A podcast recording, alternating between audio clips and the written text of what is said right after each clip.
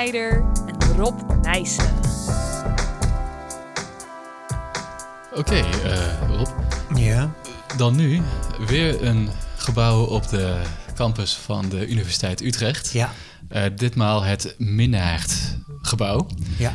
En uh, nou, ik zal het misschien meteen even erbij zetten. Uh, dat is met, um, met Willem-Jan Neutelings. Ja. Van, Eigenlijk Neutelings-Riedijk. Toen al met Neutelings-Riedijk, ja. ja. ja. Oké, okay, dus uh, toen hadden ze al het huidige, de huidige bezetting, zeg maar. Ja, ja, ja. na het debakel van het uh, Europese Patent Office, uh, European Patent Office. Prachtig werk, nooit gebouwd. Hè. Nog steeds elke dag spijt van. Nou, elke dag, elke week. Hè, ja. dus, en William Neutelings is gewoon een architect die ik geweldig hoog heb zitten. Heel goed in alle aspecten van de architectuur. Hè. Schoonheid, functionaliteit en wat was de derde ook Ja, robuustheid, zeg maar. Ja, robuustheid. Ons vak eigenlijk, hè, Ja. constructeur, precies. ja. ja. Maar ja, goed, daar zorg ik dan voor. Maar voor de andere twee aspecten, dan uh, zorgt er Willem-Jan voor. Functionele gebouwen. En dit is een heel mooi voorbeeld van het Meerdergebouw. Het is inderdaad op de Universiteit Utrecht. Die gingen toen allemaal nieuwe gebouwen neerzetten op een, in een polder, een klein poldertje. En aan de rand van Utrecht. Want alle universiteitsgebouwen, bijna alle universiteitsgebouwen, ik geloof alleen Nederlands nog zit in, uh, in het midden. Okay. Die verhuisden naar de Uithof om ruimte te scheppen voor nieuwe ontwikkelingen in het leren natuurlijk. Collegezalen en dat soort dingen. Ja. In plaats van in 18e eeuwse oude mooie panden. En die konden dan mooi verkocht worden aan uh, rijke advocaten die een mooi kantoor wilden hebben. Oh ja. Dus zo had je weer een beetje heen en weer gaan. En er werd een speciale tram aangelegd die ook uh, veel te veel gekost heeft, maar dat is weer een heel ander verhaal. Uh, naar het centrum toe, dat de studenten makkelijk in en uit uh, Utrecht kunnen komen. En een heleboel fietsroutes ook er naartoe. Ja. En op die uh, nieuwe campus in de Uithof, zoals het heet, er kwam een helemaal nieuwe gebouw. Het educatorium van Rem Koolhaas, wat we in een van de vorige hebben behandeld. En een groot aantal andere. En eentje daarvan is het Minnaertgebouw. Aha. Minnaert is een Belgische professor van de Universiteit van Utrecht die iets heel belangrijks gedaan heeft. Hij heeft een boekje geschreven voor de gewone mens om uit te leggen hoe bepaalde natuurkundige aspecten in elkaar zitten. Okay. Hoe ontstaat een re regenboog bijvoorbeeld? Waarom zien we op sommige dagen bijzonnen bij de zon? Uh, waarom is als je een donkere kamer binnenkomt moeilijk om te zien, maar na een tijdje zie je wel goed? Waarom, als het donker wordt, worden alle kleuren worden grijs? Uh, dat, dat, soort dingen legde hij op een heel simpele manier uit. Okay. In de eerste helft van de 20e eeuw, dus de vorige eeuw. En hij was ook een heel goed astronoom. Daar weet ik minder van, maar hij was uh, in zijn vakwereld goed bekend. En daarom is dit gebouw naar hem vernoemd. Aha. En het gebouw huisvesten, de, moest huisvesten, en dat was de opdracht van Hilme Neutelings, maak een centraal gebouw voor de uh, wetenschappen, aardwetenschappen, uh, astronomie, sterrenkunde en wiskunde. Hmm. Min of meer exacte down-to-earth uh, wetenschappen. ja, en er moest Willem-Jan een centraal gebouw voor waarin een aantal grote collegezalen moesten komen, laboratoria, en kantoren en een groot restaurant voor al die studenten voor die uh, richting. Oké. Okay. En uh, misschien, uh, het is wel even interessant, hoe is het nou gekomen? Want ik, ik lees hier, ik heb hier een boek open liggen, ja. dat het, het, het, het, stadsplan eigenlijk voor die, voor die uitbreiding, voor de, de Uithof, ja, ja, dat die door OMA is gemaakt. Ja. En toen heb je samen met OMA, heb je dus de, educatorium. het educatorium gemaakt. Ja. Uh, dus dat was voorafgaand eigenlijk aan dit gebouw? Of min of meer overlappend? Nou, min of meer overlappend, ja. Ja. En hoe werd dan gekozen eigenlijk dat bijvoorbeeld Neutelings en Riedijk uh, dit gebouw zou ontwerpen? Ja, ja, ja, ja. En daarna is natuurlijk de volgvraag, hoe werd gekozen dat ABT daar de constructie voor de, zou doen? Nou, het laatste is heel simpel, want we zijn gewoon het beste ingenieursbureau van de wereld. Oké. is niet echt waar hoor. Maar goed, uh, nee, hoe is het gekomen? En dat is wel op zich wel een interessant verhaal van hoe gaan ze dat soort dingen? Op een gegeven moment is er een of andere uh, hoge ambtenaar uh, op het ministerie die besluit van alles moet uh, beter, efficiënter, meer, minder kosten met zich meebrengen. Dus daar moest de universiteit verhuizen vanuit het drukke binnenstad naar die polder waar ze mooie gebouwen kregen. Aangepast in deze tijd natuurlijk, met alle ventilatie, gezondheidsvoorzieningen, functionele dingen, noem alles maar op. Uh, ja, drie keer zoveel studenten. Nou, dan krijgt de Universiteit Utrecht, wat natuurlijk een enorm complex gebeuren is, krijgt de opdracht van maak een nieuwe universiteit. Nou, wat doen die dan? Die weten ook niet hoe het moet, dus die zakelen dan een partij in. En dan krijg je de hoofd van het uh, bouwbureau van de Universiteit van Utrecht, Arjan Sikkema, een goede vent. Uh, die, uh, en ook een bevlogen iemand met goede ideeën over architectuur. Vooral dat het gebouwen moesten passen bij de mens. Want je hebt een heleboel van die technocraten die gewoon een rechthoekig flatgebouw in elkaar stampen en zeggen: Dit is een collegezaal en dit is een kantoor. Ja. Maar die had daar gevoel voor en die zei: Nou, we moeten OMA, die toen enorm in opkomst was, het bureau van Rem moeten opdracht geven om een stedenbouwkundig plan te laten maken.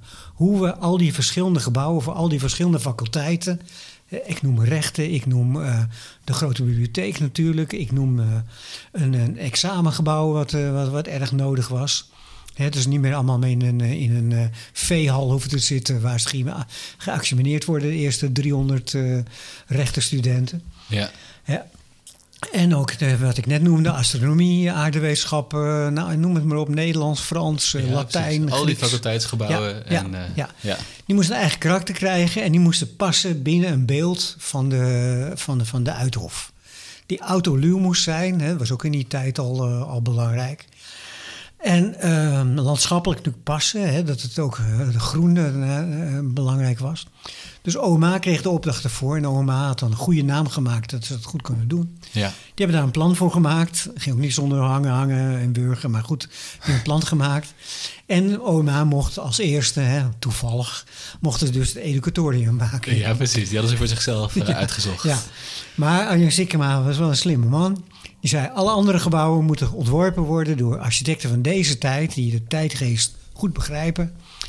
En uh, die selecteerde Wilmian Neutelings op basis van wat er toen met het uh, European Patent Office en nou, projecten daarna gekomen was voor Wilmian Neutelings.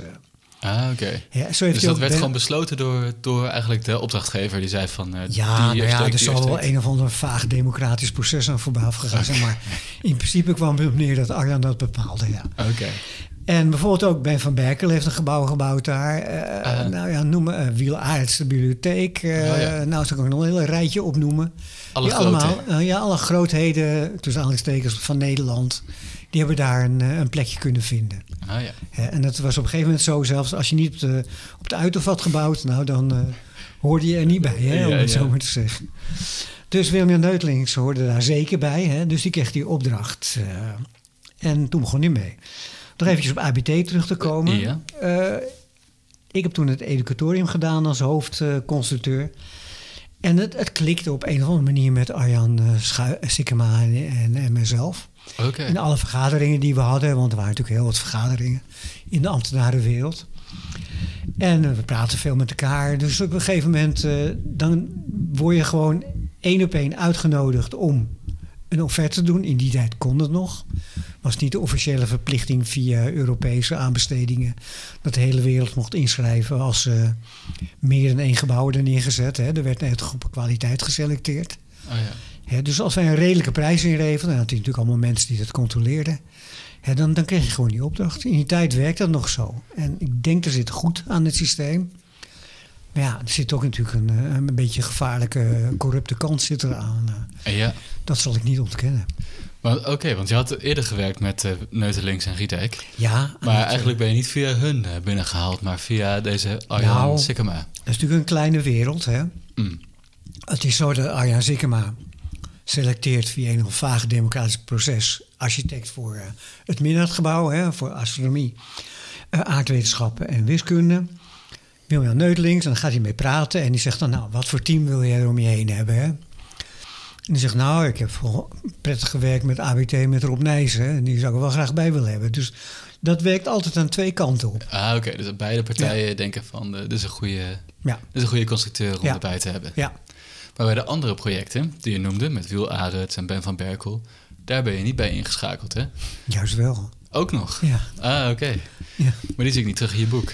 Jawel, wielaarde staat er wel in, maar dat heb je nog niet gelezen, Water. Ah, ook op de? Universiteitsbibliotheek. Ja, ah, dus op de okay. Uithof. Ah, oké. Dus jij hebt eigenlijk constructies voor de, voor de halve Uithof gemaakt? De halve Uithof, ja. ja, ja. Nee, dat wist ik inderdaad niet. Nou, oké. Okay. Oké, en, en toen kwam het dus het ontwerp, denk ja. ik.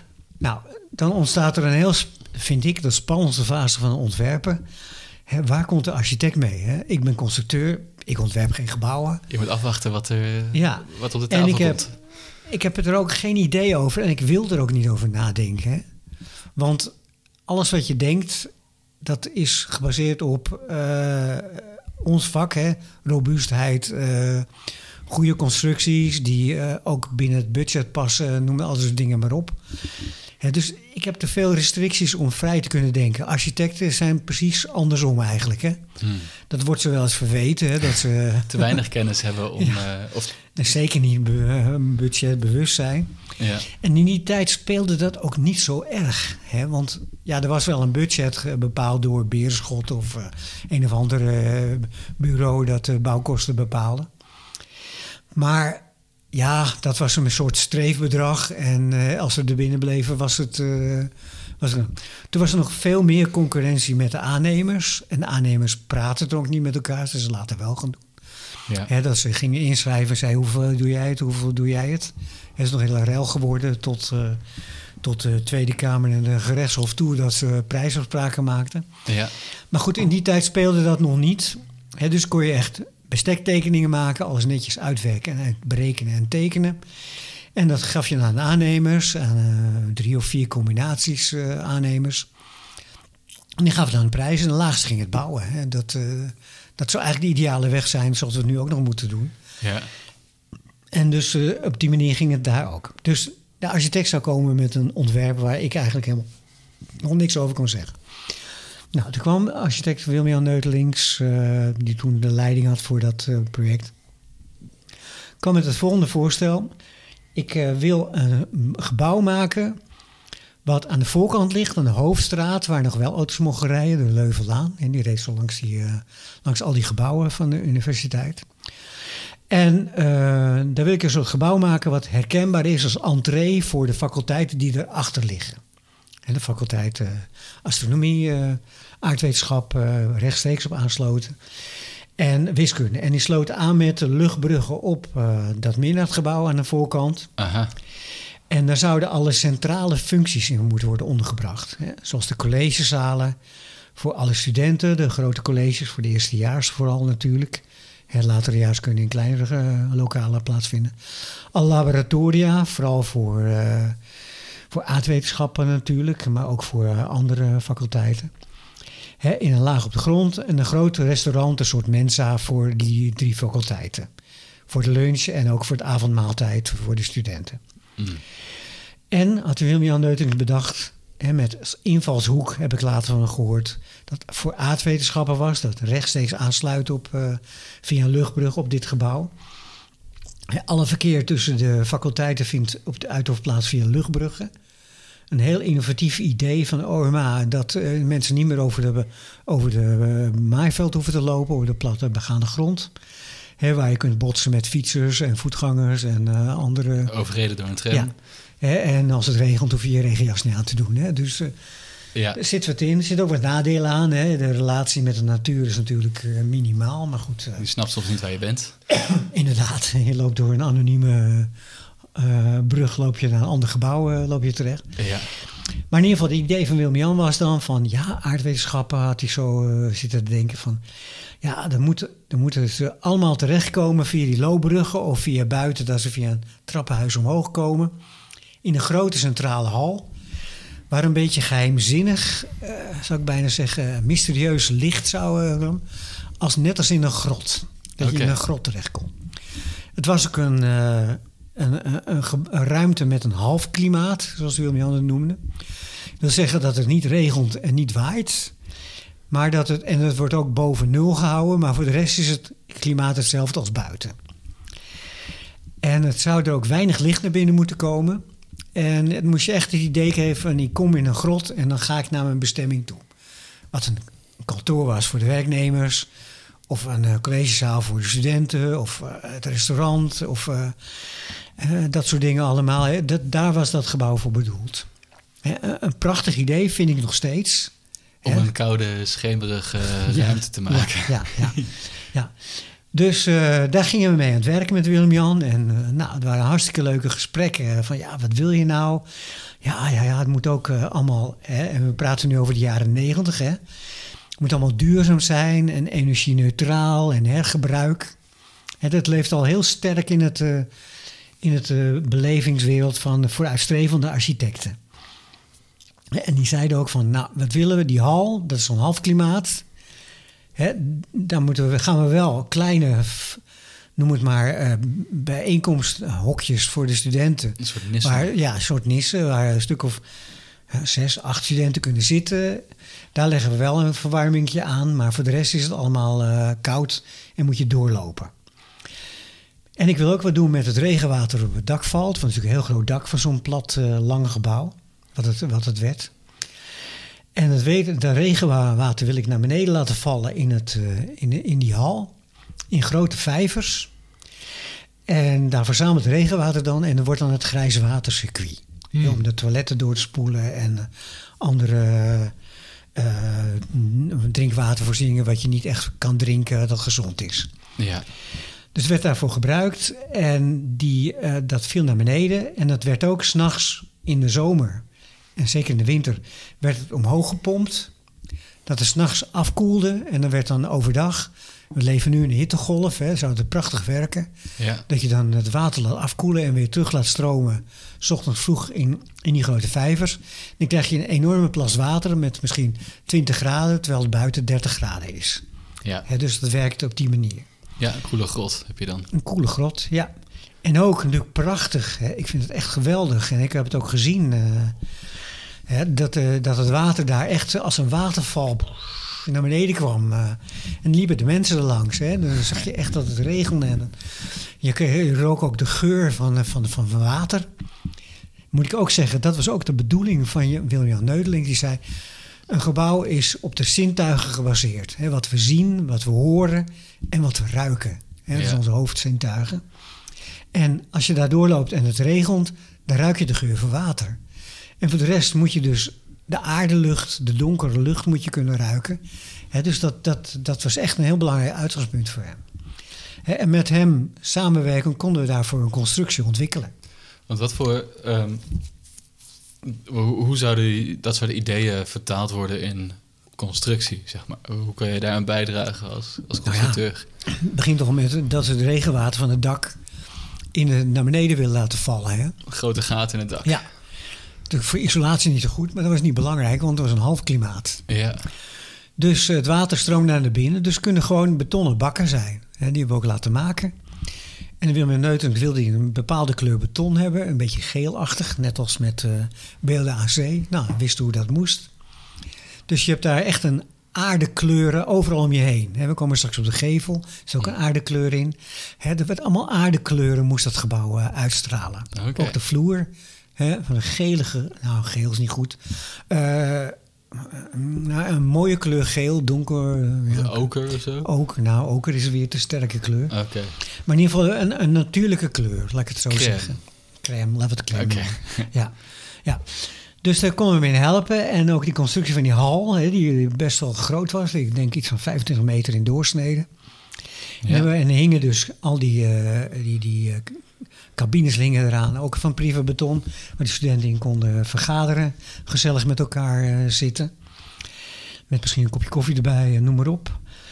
En eronder was een laag met laboratoria. En daar hebben we iets leuks voor bedacht.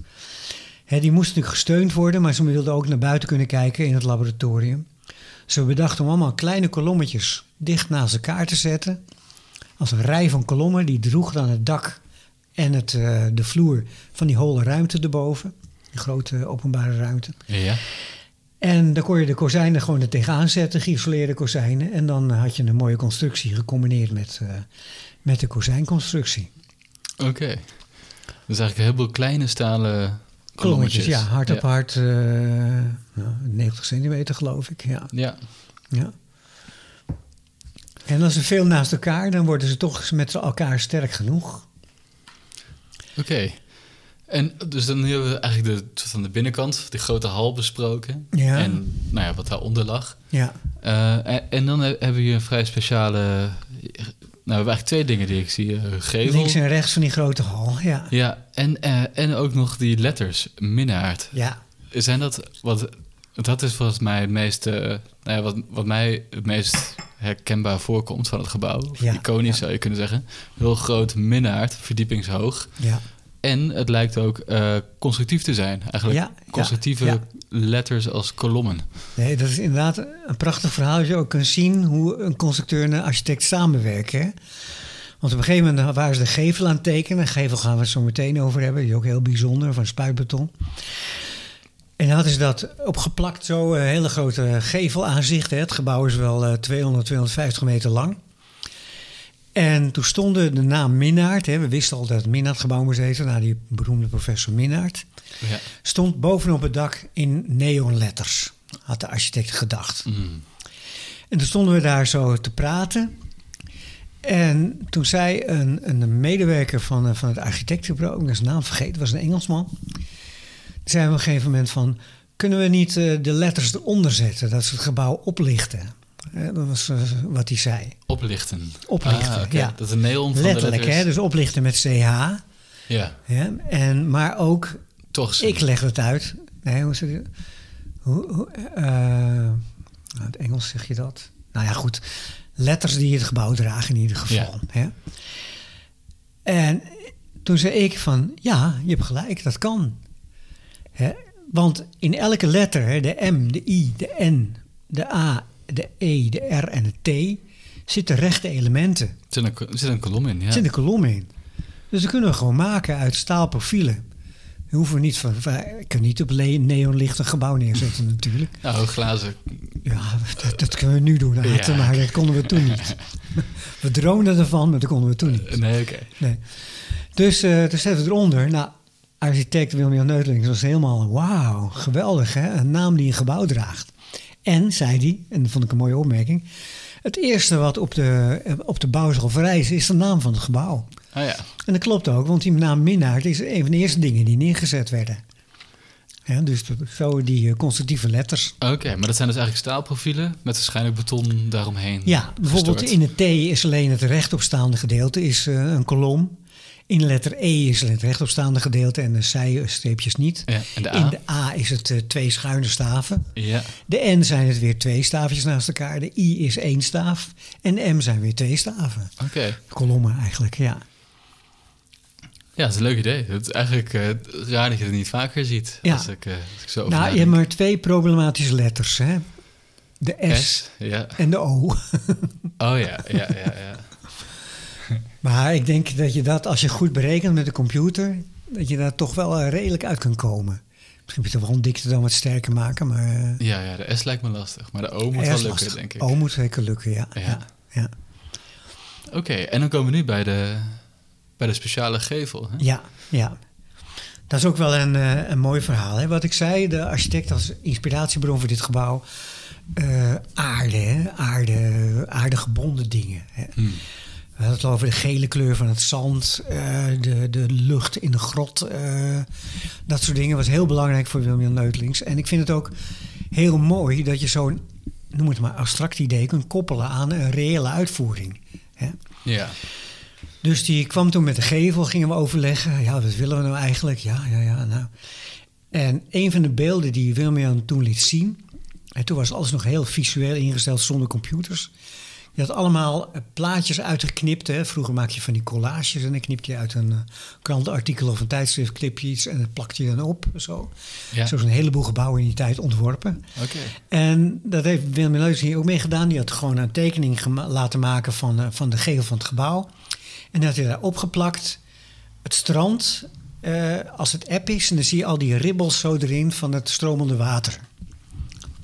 Die zich aftekenen. Dat vond hij zo'n mooi beeld. Ik weet dat hij ook heel veel van het strand houdt. Ook een strandhuisje heeft eh, in Zeeland. Mhm. En daar had hij erop geplakt en zei: Ja, zoiets wil ik hebben. Hè, hoe kunnen we dat maken? En Willem Neut is altijd een heel actieve mens. Die had al nagedacht om een mal te maken met allemaal eh, patronen erin. En dan drie of vier verschillende mallen die je dan aan elkaar kunt koppelen. En dat dan net een echt strand zou kunnen lijken. En ik zag het zo, ja, ik zeg, dat kan natuurlijk. Maar ja, dat is nog redelijk kostbaar. Hè? Want dan moet je allemaal mallen maken. Je moet een binnenblad maken, hè? ook voor de hal bijvoorbeeld, die je dak draagt. Dan moet je een isolatielaag maken en dan moet je de regenlaag maken die de regen en de wind tegenhoudt eigenlijk. Hè? Ja, ja. Dus om daar nou beton voor te maken, dat, vond ik, ja, kan natuurlijk, hè, maar dat kost weer allemaal geld en eh, extra en noem maar op. En je zit altijd met die voegen en, en de ene kleur beton is slecht gestort. En ik was bezig ook met het educatorium, wat ongeveer 1, 2 jaar voorliep op dit gebouw.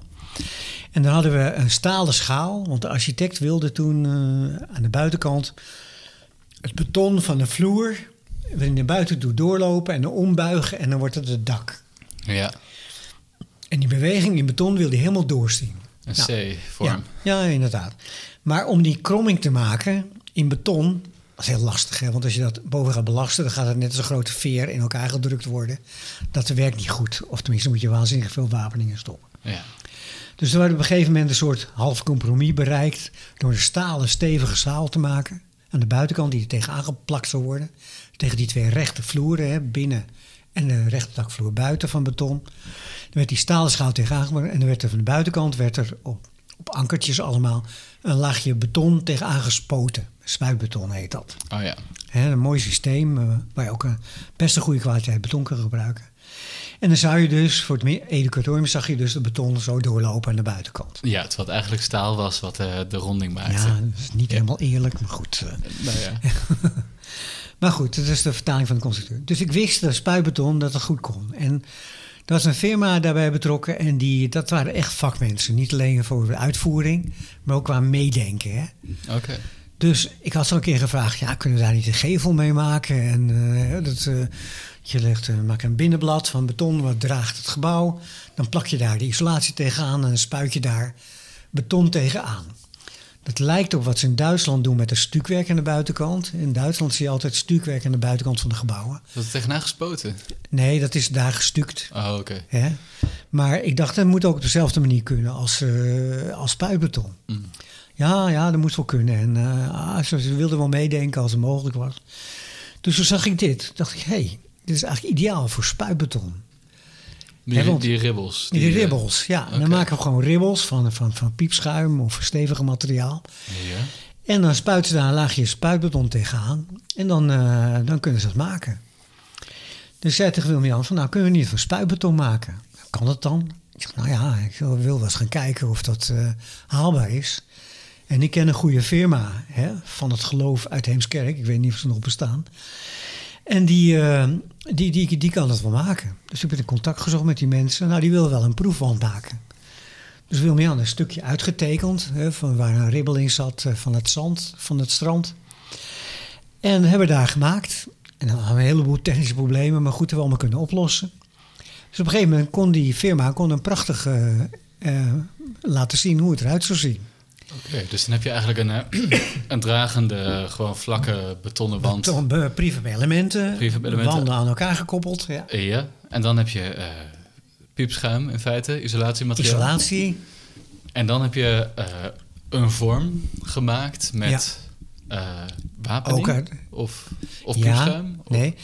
Want we wisten van de, van de spuitbetonmensen dat dat laagje beton moest tussen de 5 en de 7 centimeter worden. Oké, Dan blijft het goed hangen. En daarom hadden we aan de binnenwand, dus aan de permanente wand die je draagt, de dragende wand. hadden we ja. uitstekende vees, hè, platte vees eigenlijk, te- van roest staal gemaakt. Daar duwde de isolatie tegenaan.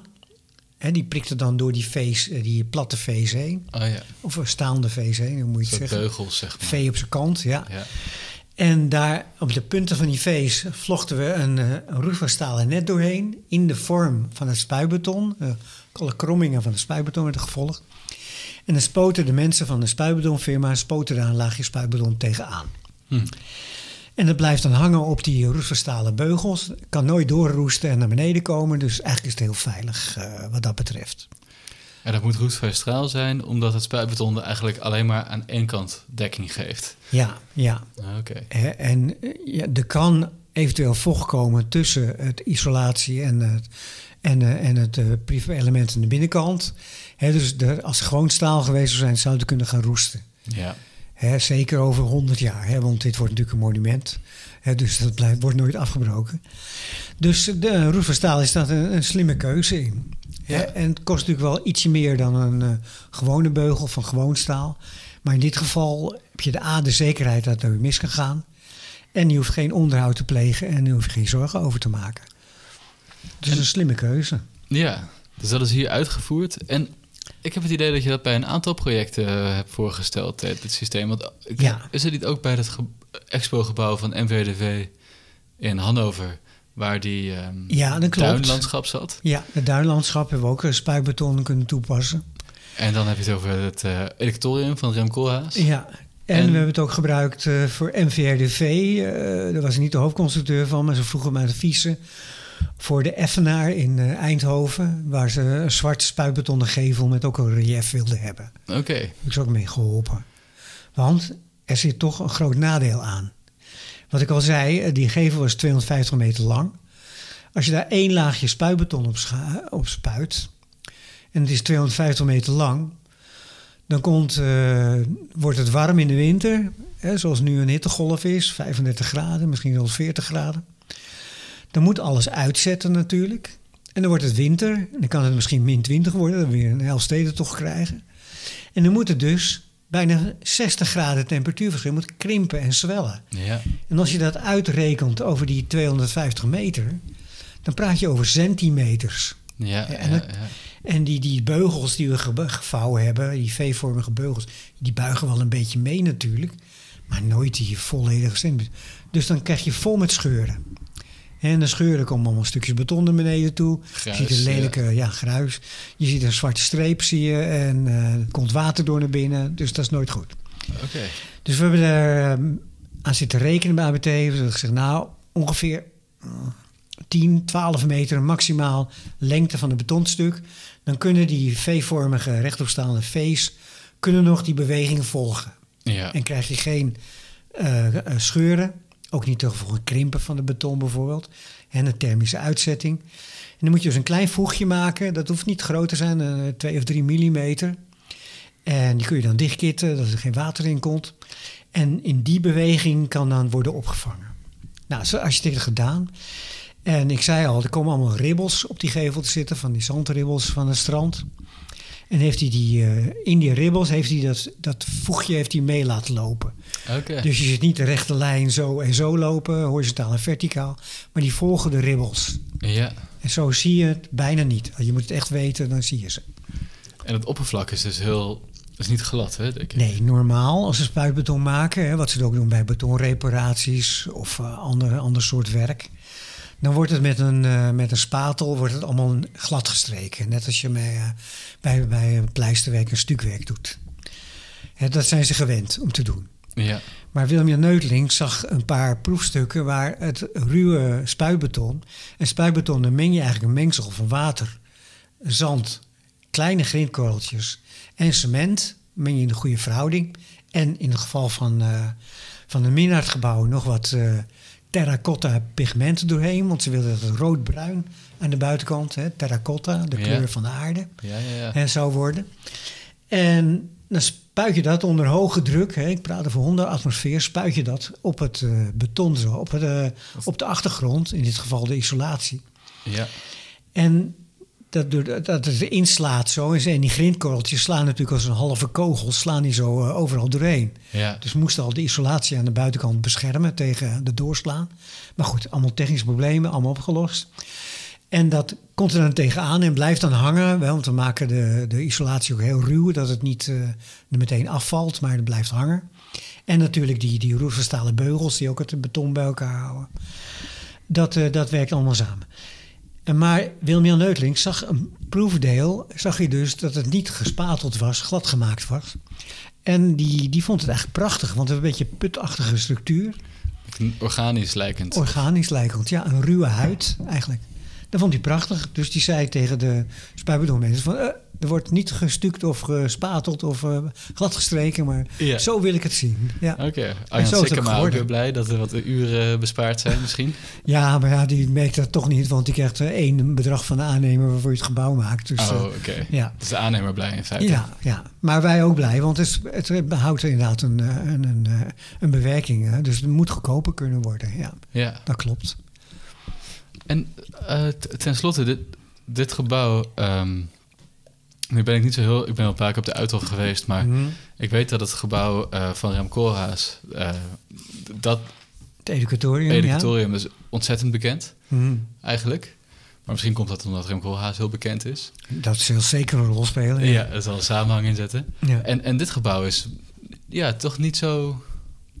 Dat, Nee, Niet nee zo'n en het is gebouw. heel goed dat je dat eh, aandraagt. Want ik vind het eigenlijk van de, een van de, de misstanden die, die, die, die heerst in de architectuur en ook de functionaliteit van de gebouwen. Hè. Ik heb nu heel mooi omschreven hoe prachtig ik het vind, die grote open hal. Waar mensen doorheen liepen op weg naar hun bestemming. Maar dan krijg je die, eh, nou ja, dan gaan we even weer eh, schelden. Die zagrijnige ambtenaar die zeggen van... eh. Ja. die zeggen van... eh, ja, hoe moet, dat, hoe moet dat nou met die, met die hal? Hè? Dus, ja, er zitten wel wat stoeltjes aan de zijkant in die kleine ruimtetjes. Maar voor de rest wordt die niet gebruikt. In de Excel-sheet, eh, als je dan Ja, ziet vierkante, vierkante meters, meters, dat is dom, dom, van, dom. En- eh, ja. Dan komt al het, de koude lucht komt nog wat binnen en het regent ook nog binnen. En dat moeten we allemaal maar, maar beheersen. En ja, dat is niks. En ook ja, de circulatie in het gebouw werkt niet optimaal. In ieder geval, er kwamen een heleboel eh, tegenkrachten kwamen er aan het werk. En als je maar lang genoeg zeurt, krijg je je zin. Hè? Dus eh, op een gegeven moment eh, heeft... Toen was Arjen Sikkema helaas al weg, want die zou wel daar van repliek kunnen dienen. Hè, dus er kwam, een minder capabele, laat me zo maar zeggen, leiding aan het bouwbureau. Die zei, ja, ja, ja, dat is inderdaad wel zonde. En ja, we betalen ervoor en noem maar op. Dus die hebben toen een andere architect dan Wilmian Neutlings. Hè, die werd eigenlijk te scheiden geschoven van, je hebt eh, eh, werk wat niet bevalt geleverd. Oké. En eh, we gaan alles opnieuw bestemming geven, alles opnieuw inrichten, nieuw afwerken, alle gaten in het dak dichtzomen dat het water niet meer naar binnen komt. En we gaan de vijvers waar het water in stroomt, gaan we dichtzetten en we gaan overal stoeltjes neerzetten. Werkplekken voor de studenten, hè. dat was in die tijd, hè. ik praat van jaren negentig toen we dit ontworpen. Had je nog geen werkplekken voor de laptop van de studenten nodig.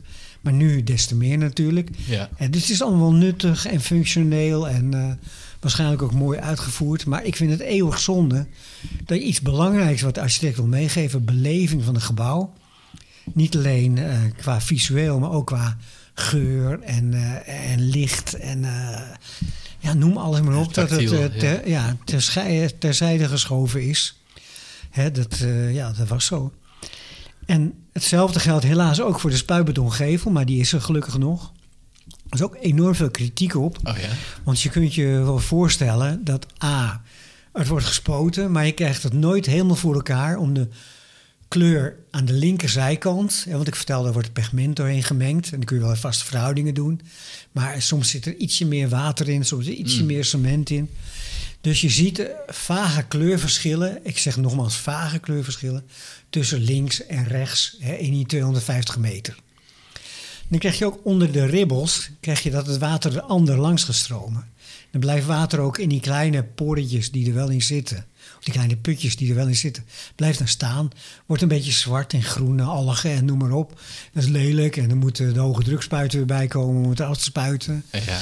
Dus er kwam, wilde ook al die gevel er helemaal afhalen. Oh, Maar gelukkig sokken zich dood van het, eh, wat dat zou kosten. En een nieuw. dus die gevel is er nog steeds. En ik vind dat hij er heel mooi en redelijk uitziet. Hè? Want het is nu bijna 30 jaar oud. oké. Eh, Ik vind het prachtig, nog steeds. Ja. Maar het is natuurlijk een heel ander soort gevel dan de normale gevels. Hè. De normale gevels zijn strak, glad, eh, eh, wit, zwart, nou noem kleuren maar op. Hè. En dit is iets ja, aardekleurig, eh, rare vormen die er in de lucht hangt. Dus ja, Ja, oké. Wat dat betreft is dit gebouw misschien ook behoorlijk experimenteel.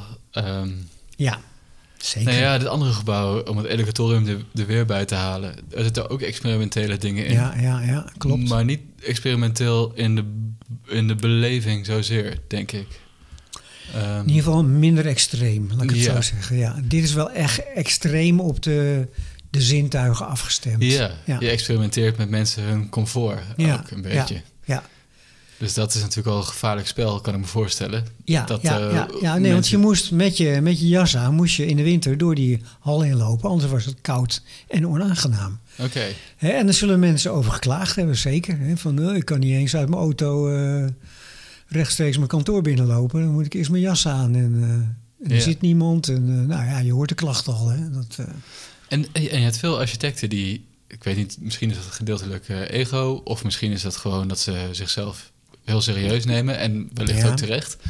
Die zeggen van, kom niet aan mijn gebouw, of je mag er wel aankomen, maar dan praat ik mee met het herontwerp of met de her. Ja. Toch, dat hebben we een aantal voorbeelden recentelijk waar, waar de architecten eigenlijk eh, Ja. zelfs naar de rechter toe stappen als Ja, mensen aan hun auteurschap van hun gebouw komen. Ja, en het beroemde beeldrecht. Hè? Dat, eh, ze hebben een beeld geschept, of eigenlijk een kunstwerk. Ja, En dan mag je niet, eh, op een schilderij mag je niet, van Rembrandt mag je niet eh, een snorretje tekenen. Hè? Dat, Ja. eh, dan, eh, dus er mag geen zonnewering voor het raam hangen, Nee, bijvoorbeeld nee. eh, bij een eh, gevel. of zelfs gordijnen of een andere kleur, kozijn. Ja, ja, oké. Dan wordt het allemaal verboden. Ja. En, Nou. en hoe is dat hier gegaan met die, met die verbouwing waar je het net over had? Ja, nou ja, goed. Dan krijg je eigenlijk een heel subtiel spel. Hè? Dat, eh, dan gaan ze eerst de architect van het oorspronkelijke gebouw, in ieder geval Willem Neutlings, benaderen. Van ja, we hebben deze klachten en willen dit aanpassen. En eh, nou ja, noem maar een mooi verhaal maar.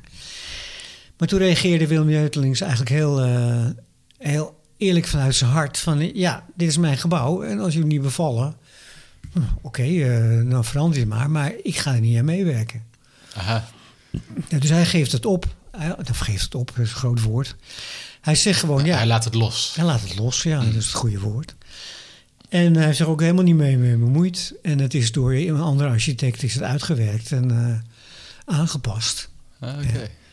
Maar je ziet nog steeds gelukkig een heleboel van de oorspronkelijke ideeën van, eh van Willem Neutlings. Alleen op de juiste subtiele, eh, prachtige details ja, hebben ze de boel doodgemaakt eigenlijk. Hè? Ja. Die hal is niet meer een geheimzinnige grot waar je als verwonderde student doorheen liep. Dat is nu een anonieme studiehal geworden. Hmm. En, en voel jij als constructeur ook, eh, als nou ja, ontwerpend constructeur zou je het ook kunnen noemen, voel je ook auteurschap? Ik voel het wel, maar ik heb totaal geen, eh, geen recht om op te staan. En ik vind net Nee, maar, dit- maar misschien eh, doet het je wel wat. Of, Oh, het doet me zeker wat. Zeker dat die hal aangetast werd. Ja. Ja, de constructie is niet aangetast, dus daar hoef ik niet over te klagen. Nee. Maar de beleving van het gebouw vind ik wel minder geworden. Hè? Als het gebouw eerst voor mij een 10 was, is het nu een mager zesje geworden wat dat aspect betreft. Ja, oké. En als ze de spuitbetonnen gevel eraf hadden gehaald, ja, je zegt al, je hebt geen recht als Dan begin constructeur. ik een kruistocht tegen de Ja. Universiteit Utrecht. Ook al heb je geen poten op te staan, zou Ja, je toch ja. eh, Ja, ja, je verweren daartegen. ja. En met een heel belangrijke reden: van, hè, in de jaren negentig is er zoveel eh 100.000 euro in besteed. Het functioneert nog steeds goed. Het is niet verrot, het is niet slecht. Het is technisch goed. Ja, technisch goed. Dus waarom zou je het weghalen? Ja, Dat klopt totaal niet met de duurzaamheidsgedachte die we tegenwoordig moeten doen. Als je dat afbreekt, dan ben je in mijn ogen een misdadiger. Hm. Letterlijk. Ja, ja. Een financiële misdadiger, maar je bent een misdadiger. Je breekt iets af wat goed is en vervangt het door, wat, eh, wat zal het zijn? Golfplaten? ja aluminiumpanelen Schandalig, echt schandalig, ja. ja. Oké, maar gelukkig is dat niet gebeurd. Nee, En eh, heb, je, heb je dus de hakbel niet hoeven ophouden? Wat nee, is het, gelukkig strijdbel? niet. Nee, nee. Eh, ja, misschien kunnen we hier wel... toch hebben we volgens mij volledig eh, behandeld. Ja, zeker. Ja, ja. En ik vind het jammer dat we dit moeten behandelen met een, met een vaag negatief verhaal. Maar ook dat negatieve verhaal, en ik hoop nu dat heel mensen dat horen en opnieuw gaan nadenken van ja, hoe gaan we om met onze gebouwen? Hè? Dat, eh, je kunt ook bepaalde dingen respecteren en zien als een uiting van die tijd. Hè, want Ja. het is dus in de jaren negentig gebouwd. Toen dachten we heel anders over circulariteit en duurzaamheid en noem maar op dan nu.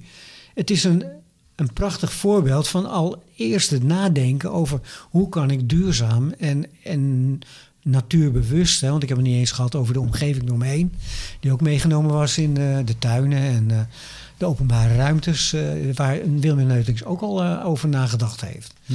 Hè, dus dit is echt een gebouw, als het zo was blijven staan, zoals het oorspronkelijk bedoeld was, een prachtig monument geweest voor die tijd. En het is het nu niet.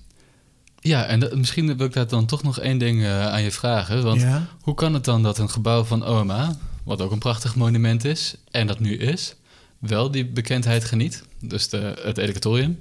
En dit gebouw, waarvan je eigenlijk zou kunnen zeggen, het heeft ook allemaal hele speciale ingrediënten. En ook voor die tijd heel, en nog steeds heel vooruitstrevend, of anders, laat ik zo zeggen, Ja, ontworpen. ja. Maar is het eigenlijk niet? Het is niet iets wat in de architectuurboeken of in de fora op internet eh, de hele tijd wordt aangehaald. En Ja. is dat misschien... eh, Wat is dat? Is dat eh PR-machine van de architect zelf? Of is dat... ja, dat speelt een belangrijke rol. En ook hun assertiviteit. Hè? Want ik Ja. weet dat educatorium is ook een aantal keren verbouwd. En dan moesten toiletten veranderd worden. En eh, noem dat soort eh, dingetjes maar op. Ja, Hè, de, de, de, de grote restaurant moest veranderd worden. Maar dan zit OMA, OMA zit als een bok op de havenkist. Hè, volgens het oud-Hollandse spreekwoord. En die bewaakt eh, dingen. William Neutelings is wat dat betreft wat ja, relaxter. Die denkt, Ja, oké, eh, gebouwen moeten met de tijd mee evolueren. Ja, oké, dat eh, kan ook. Hè, en vergeet ook niet... eh, OMA bewaakt echt zijn, zijn erfgoed. Hè? Dat, ze vinden al dat ze bij wijze van spreken nieuwe monumenten gebouwd hebben. En er wordt ook angstvallig bewaakt. oké. Hè, er wordt alles aan gedaan om dat eh, te voorkomen.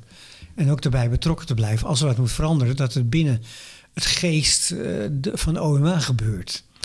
En vergeet ook niet, toen we o- eh, de educatorium bouwden, kwamen er al, nou niet elke dag, maar elke twee dagen, kwam een bus met toeristen uit, het, eh, uit de hele wereld, van Japan, Amerika, eh, noem ze maar op, kwam kijken hoe de bouw was. En ook na, nadat de bouw was, werden er bijna elke dag waar, kwamen er excursies naartoe. Ja. Dus het is ook heel erg bekend. Hè, super bekend. Komt natuurlijk deels door de naam van Rem Koolhaas. En ik vind het ook een heel geslaagd gebouw. Hoe ze met eh, redelijk beperkte middelen...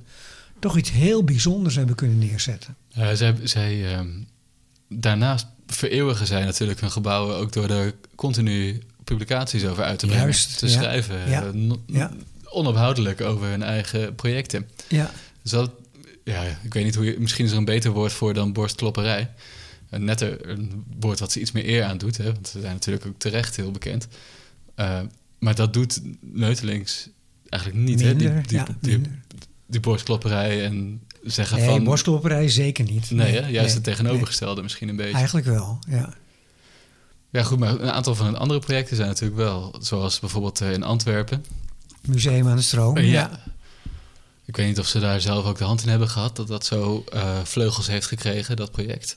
Mm, nou, ze zullen er zeker wat aan gedaan hebben, maar niet in de, de assertiviteit van de OMA. Nee, Ja, nee. En ze doen ook niet zoveel lezingen en films. En, Nee, rijden niet de hele wereld over. En ze hebben ook niet... eh, kijk, OMA is wel Rem Koolhaas.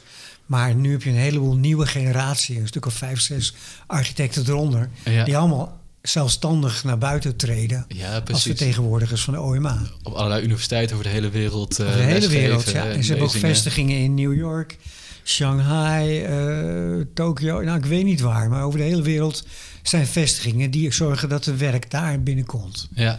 Het is een enorm succesvol bureau. Nou, eigenlijk is dat ook heel slim, hè? Want als je dan als opdrachtgever weet van ik kies een OMA-gebouw, zij zorgen ervoor dat het een monument wordt. ja. Niet alleen door het ontwerp zelf, maar ook door de hele Ja, ja, ja. mediacampagne die Ja. jarenlang nog doorgaat eigenlijk, om, Ja. om dat gebouw echt op de kaart te zetten. Ja, ja. Dat zie je tegenwoordig op alle beroemde architecten. Hè. Ik noem Jean Houvel, eh Koop Blauw, nou ja, noem alles maar op. eh, dat, en ben van Berkel trouwens ook. Hè. Die, die Ja. timmeren echt aan de weg eh, met, met positieve publicaties. Altijd van, van tevoren, tijdens de bouw. Als opgeleverd wordt, eh, nog eens een keer achteraf. eh. Ja, ja, ja. Het is constant aandacht vragen. hè. En met het internet, hè, iedereen kan inloggen op de, op de webpages van OMA en Ben van Berkel. eh, of UN Studio moet ik zeggen. Ja, En dan kun je de laatste ontwikkelingen zien. Zo werkt dat, ja, oké. helaas. Ons managementmodel. Hè. Ja. nou goed, eh, we dwalen alweer af. Zullen Ja. we het eh, dan nu echt, eh, Lijkt me een goed idee, Aten. Oké.